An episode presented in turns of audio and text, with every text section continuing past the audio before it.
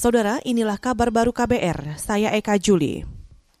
Presiden Joko Widodo mengingatkan ASN, TNI, dan Polri menjaga netralitas di Pilkada Serentak 2020. Jokowi juga meminta agar aparat menindak tegas kampanye berbau sara maupun narasi yang mengancam persatuan. Hal itu disampaikan Jokowi saat rapat terbatas tentang Pilkada Serentak kemarin. Birokrasi TNI dan Polri tetap terus bersikap netral dan tidak memihak kepada pasangan calon tertentu.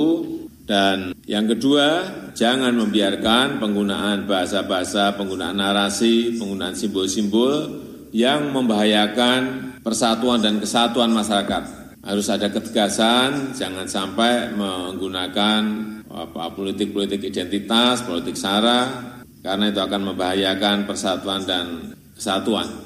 Ini yang harus dicegah. Presiden Jokowi juga berharap pilkada menjadi ajang para kandidat beradu program dan gagasan.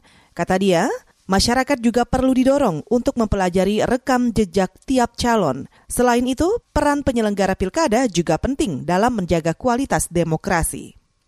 Bakal pasangan calon pilkada diminta tidak memobilasi massa saat mendaftarkan sengketa ke Badan Pengawas Pemilu atau Bawaslu. Ketua Bawaslu Abhan memastikan akan menolak pendaftaran sengketa jika pengajuannya disertai pengumpulan massa. Hal ini untuk memastikan tiap peserta menerapkan protokol kesehatan cegah COVID-19. Abhan juga meminta pendaftaran diwakilkan ke beberapa orang saja atau melalui kuasa hukum kami akan uh, melakukan upaya pencegahan dan instrumen pencegahannya. Ketika uh, ruang ada di Bawaslu, kami uh, akan menerapkan protokol dengan ketat. Dan juga satu syarat misalnya uh, ketika mengajukan sengketa proses permohonan uh, kami akan ketat manakala membawa masa banyak. Tentu tidak akan kami register ya sebelum bisa mengendalikan masa itu ya Ketua Badan Pengawas Pemilu Abhan juga menambahkan jumlah masa saat pendaftaran sengketa pilkada perlu dibatasi untuk menekan resiko penyebaran COVID. Menurutnya, hal itu perlu diantisipasi karena di beberapa pemilu sebelumnya, mobilisasi massa kerap terjadi saat pengajuan sengketa. Pelatih timnas sepak bola U19 Sintayong kecewa atas kekalahan telak 1-7 dari Kroasia di pertandingan kedua turnamen persahabatan U19 Internasional 2020.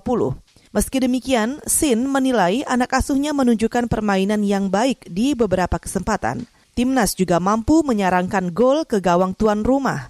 Menurut Sin Tayong, hal itu merupakan perbaikan dibanding laga sebelumnya kontra Bulgaria. Timnas menelan kekalahan 0-3. Sementara itu pencetak gol tunggal Indonesia ke gawang Kroasia, Amiruddin Bagas, juga mengaku kecewa dengan hasil ini. Ia bersama timnya berjanji akan memperbaiki kekurangan sehingga bisa bermain lebih baik saat menghadapi Arab Saudi Jumat besok. Saudara, demikian kabar baru. Saya Eka Juli.